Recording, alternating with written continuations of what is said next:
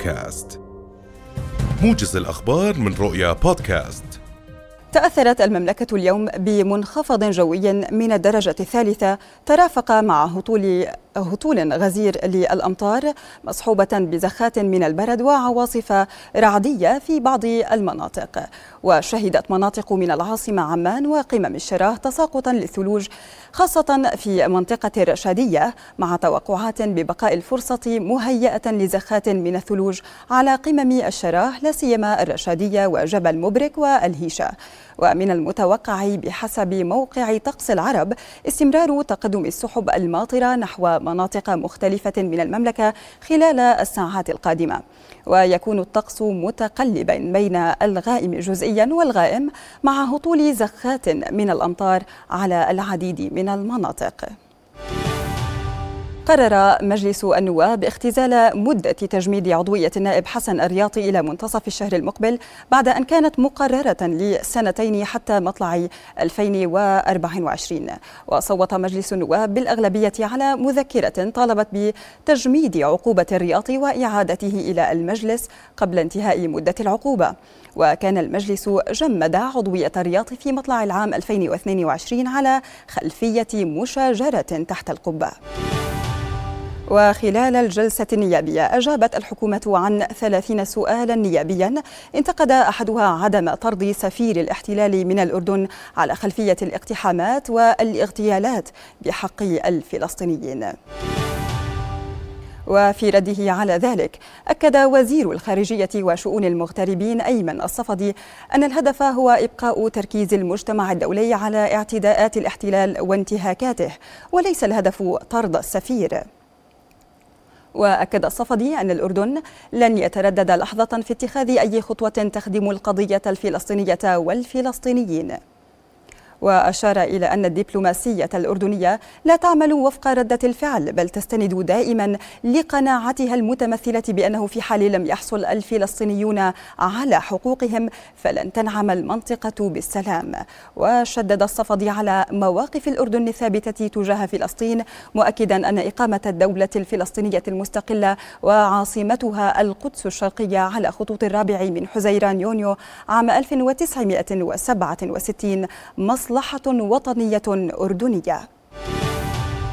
وفي ظل الظروف الاقتصادية الصعبة تبنى مجلس النواب مذكرة نيابية طرحها النائب خليل عطية بتوقيع أربعين نائبا لمطالبة الحكومة بالإيعاز لتأجيل أقساط القروض لشهر نيسان الحالي. نظرة متشائمة حيال تحسن الوضع الاقتصادي المحلي مستقبلا أبداها أردنيون بحسب نتائج مؤشر إبسوس لثقة المستهلك الأردني. النتائج أظهرت أن نصف المستجيبين للمسح رأوا أن الوضع الاقتصادي لم يشهد تغيرا في الربع الأول من العام الحالي مقارنة بالربع الأخير من العام الماضي. واستمرت البطالة وارتفاع تكاليف المعيشة والفقر وعدم المساواة في تصدر هموم المواطنين. المواطنين.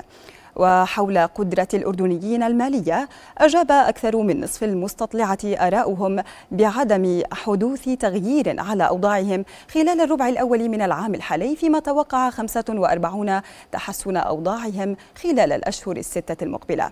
وبحسب نتائج البحث تراجع مستوى ثقة الأردنيين في الأمان الوظيفي خلال الربع الأول من العام الحالي.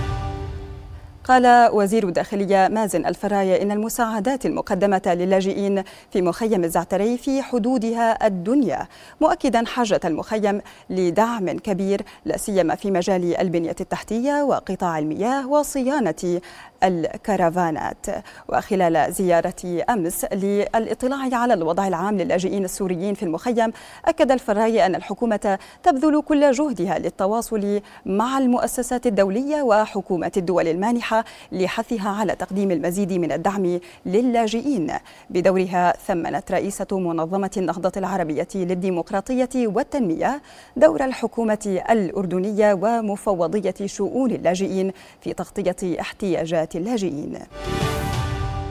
وصل وزير الخارجية السوري فيصل المقداد إلى مدينة جدة في أول زيارة رسمية إلى السعودية منذ انقطاع العلاقات بين البلدين وفق ما أفادت به وكالة الأنباء السورية الرسمية سانا. من جهة أخرى قررت دمشق إعادة فتح سفارتها في تونس وتعيين سفير على رأسها في الفترة القليلة المقبلة.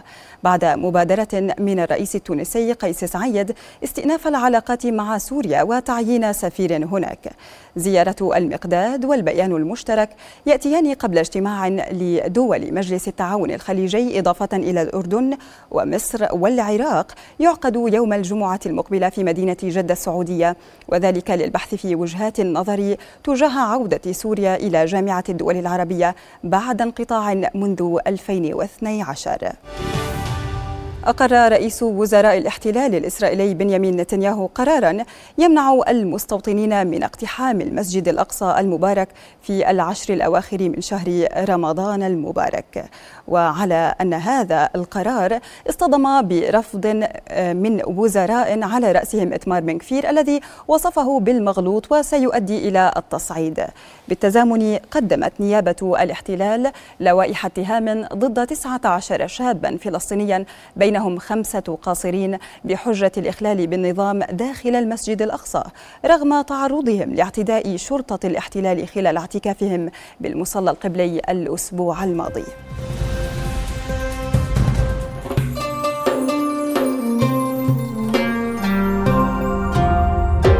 رؤيا بودكاست.